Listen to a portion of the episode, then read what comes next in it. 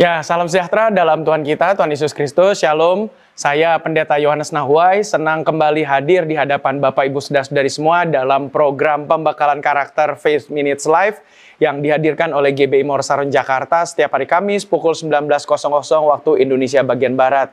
Dan saya senang kembali hadir di hadapan Bapak Ibu semuanya karena kita hari ini melanjutkan serial pembahasan ada 15 alasan mengapa kita perlu menjaga hati kita. 15 alasan ini kita ambil dari kitab Galatia, di mana di sana berbicara tentang perbuatan-perbuatan baik dan juga di sana tertuang juga tentang perbuatan-perbuatan daging. Oleh sebab itu, Bapak Ibu Saudara-saudari ini akan menjadi pembahasan yang panjang sampai dari bulan uh, Juni ini sampai kepada bulan September nanti. Dan saya percaya Bapak Ibu Saudara-saudari akan sangat diperlengkapi dengan pembahasan ini. Nah, minggu kemarin, tepatnya hari Kamis lalu, tanggal 1 Juni, kita sudah mulai serial ini dengan membahas Bagian yang pertama yaitu kenapa kita harus menjaga hati karena hati adalah sumber percabulan. Tempat di mana percabulan itu muncul. Nah, topik yang kedua hari ini adalah hati adalah tempat sumber kecemaran. Nah, Bapak Ibu sudah sadari yang ketinggalan dari topik kami selalu, saya dorong untuk bisa mengikuti seri pertama ketika nanti sudah selesai mengikuti tayangan ini, supaya setidaknya Bapak Ibu sudah sadari tidak ketinggalan dengan seri pertama. Ke depannya juga demikian untuk serial-serial selanjutnya kita mesti mengikuti secara kronologis, secara berurutan supaya berkat yang kita dapatkan akan komprehensif, berkatnya akan lebih menyeluruh. Puji Tuhan. Nah, hari ini kita membahas seri yang kedua yaitu tanggal 8 Juni. Kita sekarang sudah sampai kepada pembahasan yang kedua berbicara tentang hati adalah sumber kecemaran. Inilah alasan yang kedua mengapa hati harus kita jaga dalam rangka mencapai restorasi diri, dalam rangka mencapai pemulihan di tahun 2023 ini. Karena GB Morsarun Jakarta memiliki komitmen untuk menuntun Bapak Ibu semuanya, saudara-saudari, agar kita bisa mengalami pemulihan. Nah, untuk mengalami pemulihan, kita tidak bisa mengharapkan orang lain berubah terlebih dahulu, tetapi kita mesti mulai dari diri kita sendiri. Nah, dengan demikian kita bahas tema ini, kita mulai dari pembahasan untuk restorasi harus dimulai dari diri kita terlebih dahulu, baru kita bisa mengharapkan orang lain berubah, maka terjadilah perubahan bagi semua kita. Nah, oleh sebab itu kita akan sama-sama diperlengkapi. Ada tiga alasan mengapa kita harus menjaga hati dari kecemaran. Nah, sebelum kita masuk ke dalam pembahasan alasan pertama, kedua, dan ketiga, saya rindu Bapak Ibu sudah sadari bisa melihat definisi dari kata kecemaran menurut bahasa kamus besar bahasa Indonesia adalah kekotoran atau juga bisa keburukan, nama dan sebagainya. Nah, ini menjadi pembahasan yang sangat baik sehingga kita bisa mengerti menyelami pembahasan ini walaupun ini adalah 15 daftar perbuatan daging dari Alkitab, tetapi memang Alkitab juga menggunakan bahasa Indonesia yang kita baca sehari-hari, maka itu tidaklah salah kalau kita mengacu juga kepada kamus besar bahasa Indonesia untuk mencari definisi makna dari kata demi kata yang kita bahas dari 15 perbuatan daging ini yang akhirnya kita menjadikan sebagai sebuah serial 15 alasan mengapa kita perlu menjaga hati. Nah, Kecemaran itu sekali lagi adalah sebuah kekotoran atau yang kedua adalah keburukan, nama dan sebagainya. Nah, kata kecemaran itu punya kata dasar dari kata cemar. Cemar itu yang pertama artinya adalah kotor atau juga bisa artinya ternoda. Definisi yang kedua adalah cemar itu juga ada keji, bisa dikatakan cabul, bisa juga dikatakan mesum. Kemudian yang ketiga, cemar itu juga bisa tentang buruk, yaitu tentang nama baik dan juga bisa tercela. Jadi memang ada perbedaan antara percabulan dengan kecemaran. Kita sudah bahas percabulan Kamis kemarin dan hari ini kecemaran. Memang ada sedikit perbedaan. Walaupun aspeknya tidak jauh berbeda, kebanyakan berbicara tentang hal-hal yang melanggar susila. Nah, oleh sebab itu Bapak Ibu sudah sadari jangan lupa sekali lagi kalau yang ketinggalan definisi yang pertama, pembahasan ulasan Faith Minutes Live yang pertama, Bapak Ibu sudah sadari nanti bisa saksikan rekamannya. Nah hari ini alasan yang pertama kita bisa masuk langsung. Kenapa kita perlu menjauhkan hari, hati kita dari kecemaran? Karena yang pertama adalah kecemaran menghadirkan keburukan bagi nama kita. Nama kita sendirilah yang akan menjadi dampaknya terkena dari hasil dari kecemaran apabila kita tidak menjaganya. Nah, Bapak Ibu sudah sadari memang ketika kita terus-menerus melakukan kecemaran, terus-menerus melakukan percabulan, terus-menerus melakukan hal-hal yang mesum, hal-hal yang membuat kita menjadi ternoda, nama baik kita menjadi buruk, maka ini memang harus segera kita hentikan supaya kita mencapai restorasi. Memang Bapak Ibu sudah sadar dalam hidup kita ini tidak mudah di zaman modern sekarang ini di mana kita menghadapi tantangan untuk menolak dari semua yang berbau-bau hal yang jahat itu tidak mudah.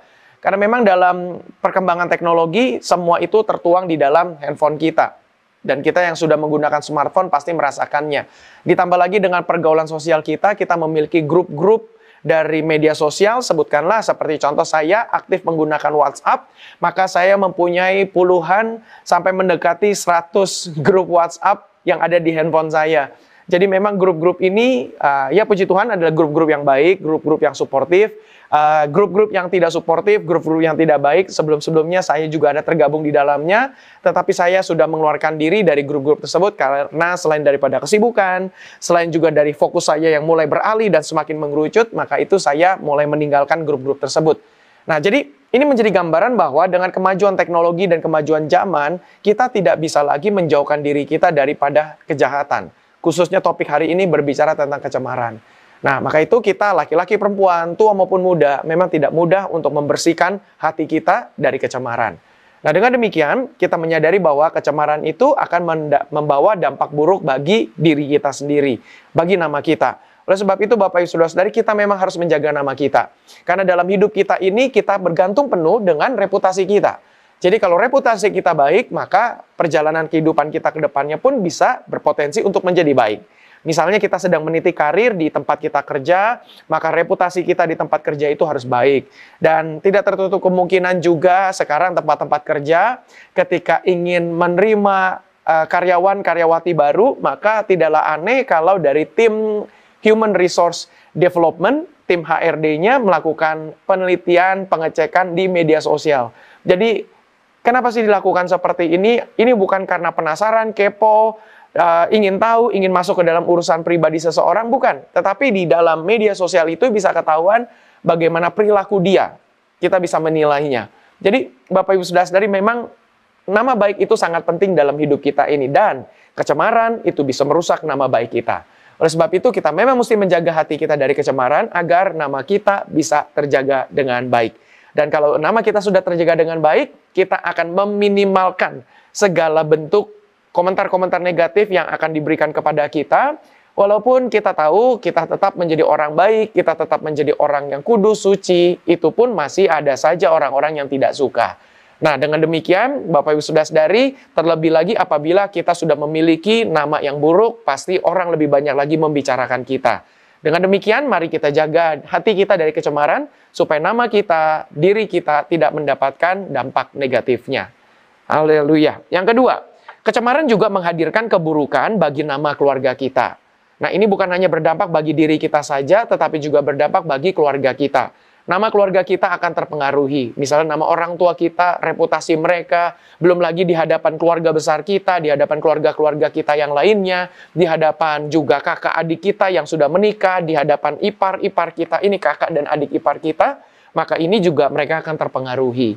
Nah, sebab itu Bapak Ibu sudah dari kecemaran itu tidak main-main. Memang dimulai dari hati kita, tetapi ternyata bisa berdampak bagi diri kita tentunya dan juga berdampak bagi keluarga kita.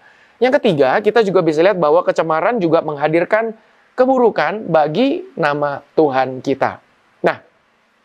Kita hidup di Indonesia. Indonesia itu memiliki sila pertama dari Pancasila yaitu ketuhanan yang Maha Esa. Ngomong-ngomong hari Sabtu, uh, maksud saya hari Kamis kemarin tanggal 1 itu adalah hari kelahiran Pancasila dan kita merayakan sudah satu minggu ini ke hari kelahiran Pancasila, maka kita diingatkan dengan sila pertama ketuhanan yang Maha Esa. Jadi pengamalan sila pertama di dalam negara Republik Indonesia ini adalah semua umat yang ada, masyarakat, rakyat di Indonesia harus memiliki sebuah keyakinan, sebuah agama. Nah maka itu agama apa pun pasti kita mengakui adanya Tuhan. Dengan demikian, mau agama apa pun, khususnya kita sebagai orang Kristen, anak-anak Tuhan, maka kita bisa melihat bahwa reputasi nama Tuhan kita pun dipengaruhi oleh diri kita. Sebagai pemeluk umat Kristen, maka saya sebagai pemuka agama Kristen mengajak kita semua Bapak Ibu Saudara-saudari supaya kita bisa sungguh-sungguh menjaga kecemaran dari hati kita. Karena ini akan merugikan diri kita sendiri, merugikan keluarga kita dan juga merugikan nama Tuhan kita. Karena kita di Indonesia, kita tidak bisa dipisahkan hidup dari keberagamaan kita. Artinya, dalam hidup kita sehari-hari kita selalu dikaitkan dengan tindak tanduk kita berlandaskan dari ajaran agama kita. Misalnya, ketika orang Kristen misalnya melakukan uh, korupsi, ketika orang Kristen misalnya melakukan penipuan, orang Kristen misalnya berhutang lalu tidak bayar, maka ini orang-orang pasti akan bertanya, kok kenapa ya orang Kristen kelakuannya seperti itu? Dan saya sebagai hamba Tuhan dan sebagai gembala, sebagai pendeta dari gereja kita ini GB Morsaron uh, Jakarta, maka saya juga tidak sedikit mendapatkan pertanyaan-pertanyaan ringan ketika ada pelayan, ada bahkan pejabat gereja, pendeta pembantu, PDP, pendeta muda, uh, eh, PDM, sampai kepada pendeta penuh. Kemudian belum lagi ada jemaat-jemaat juga sering kali mereka suka berkata kepada saya, Pak, gembala, saya menemukan orang seperti ini kok begitu ya, padahal sama-sama pelayan. Pak, kenapa juga sama-sama pejabat kok seperti ini? Pak, kok kenapa seperti itu? Pak, saya kenal pendeta, kok kenapa pendeta seperti itu? Nah, dengan demikian, Bapak Ibu sudah sadari ternyata memang reputasi kita di Indonesia ini sebagai orang yang beragama, Tuhan kita akan terpengaruhi apabila kita melakukan kecemaran. Jadi dengan demikian Bapak Ibu sudah sadari kecemaran itu tidak main-main, kita harus jaga hati kita tetap bersih, kita harus sungguh-sungguh memelihara nama baik kita, nama baik keluarga kita, dan tentunya nama baik dari Tuhan kita. Biarlah apa yang sudah dibagikan hari ini boleh menolong Bapak Ibu sudah saudari semua supaya hidup kita semakin berarti, hidup kita semakin menjadi terang dan garam sehingga sungguh-sungguh kita bisa menjadi berkat bagi banyak orang. Puji Tuhan, terima kasih. Saya pikir kita tutup pertemuan kita ini dan seperti biasa saya selalu senang mendoakan Bapak Ibu Saudara-saudari. Mari kita berdoa. Bapak dalam sorga, terima kasih untuk kesempatan pembekalan karakter Faith Minutes Live yang sudah kami dapatkan dalam edisi Kamis 8 Juni tahun 2023 ini, biar Tuhan memberkati setiap kami yang sudah mengikutinya. Biarlah kami mengalami restorasi dalam diri kami, supaya keluarga kami mengalami restorasi, tempat kerja kami, tempat sekolah kami, tempat studi kami juga mendapatkan restorasi pemulihan. Terima kasih Bapak, berkati kami, supaya kami taat dan setia menjalankan firman Tuhan, khususnya ketika kami membahas, walaupun pembekalan karakter ini, biasanya kami tidak membahas banyak tentang Alkitab, tetapi kesempatan baik kali ini episode bulan Juni sampai ke September nanti kami bisa membahas tentang 15 perbuatan daging dari Alkitab. Maka itu Bapak ajar kami supaya dalam karakter kami kami dapat memelihara hati kami tetap bersih. Terima kasih Bapak, kami bersyukur. Tuhan juga memberkati kami yang punya pergumulan, Tuhan tolong. Kami yang sakit, Tuhan sembuhkan dalam nama Tuhan Yesus. Kami berdoa bagi gereja kami, GB Morsaron Jakarta, serta cabang-cabang kiranya Tuhan senantiasa memberkati. Dan kami berdoa juga bagi bangsa Indonesia, Tuhan berkati Indonesia. Terima kasih Bapak, terpujilah namamu dalam nama Tuhan Yesus Kristus kami berdoa dan mengucap syukur. Haleluya. Amin. Puji Tuhan, Bapak Ibu sudah sadari sekian sudah pembahasan program pembekalan karakter GB Morsaran Jakarta yang kita namakan dengan program Faith Minutes Live. Uh, Bapak Ibu sudah sadari yang menggunakan YouTube, silakan subscribe, silakan follow akun YouTube GB Morsaron TV. Dan Bapak Ibu sudah sadari yang menggunakan Facebook, silakan follow, like dari akun Facebook page GB Mawar Saron. Dan Bapak Ibu sudah sadari yang menggunakan Instagram, tayangan-tayangan seperti ini hadirnya di akun Faith Minutes dan Bapak Ibu bisa mengikuti follow akun Faith Minutes. Di Instagram GB Morsaran juga hadir dan Bapak Ibu juga silakan memfollownya. Dan puji Tuhan di TikTok, Instagram hadir, GB Morsaran hadir dan juga puji Tuhannya untuk podcast kita sekarang sudah tersedia. Bapak Ibu sudah saudari bisa menikmati audio rekamannya untuk di Spotify, kemudian Apple Podcast dan juga Google Podcast. Bapak Ibu sudah saudari silakan subscribe supaya bisa mendapatkan banyak hal baik yang diberikan dari program Faith Minutes ini. Puji Tuhan, di layar Bapak Ibu Saudara Saudari ada QR Code yang Bapak Ibu Saudara Saudari bisa scan. Dan silakan di screenshot supaya lain waktu ketika Bapak Ibu Saudara Saudari ada kesempatan, Bapak Ibu di lain kesempatan dan juga sekarang yang sudah bisa men-scan-nya, Bapak Ibu bisa memberikan dukungan untuk program Faith Minutes ini. Supaya ke depannya kita bisa terus tingkatkan. Dan puji Tuhan terima kasih untuk support yang dukungan yang Bapak Ibu Saudara-saudari sudah berikan selama ini. Baik puji Tuhan, saya Pendeta Yohanes Nahwe undur diri. Kita akan jumpa dalam program Faith Minutes, Building Faith Under 5 Minutes, and we'll talk about faith in in the time where we spend our minutes together.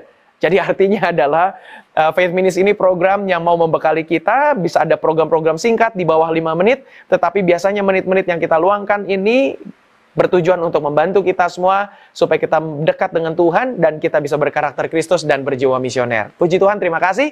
Sampai jumpa. Tuhan Yesus memberkati.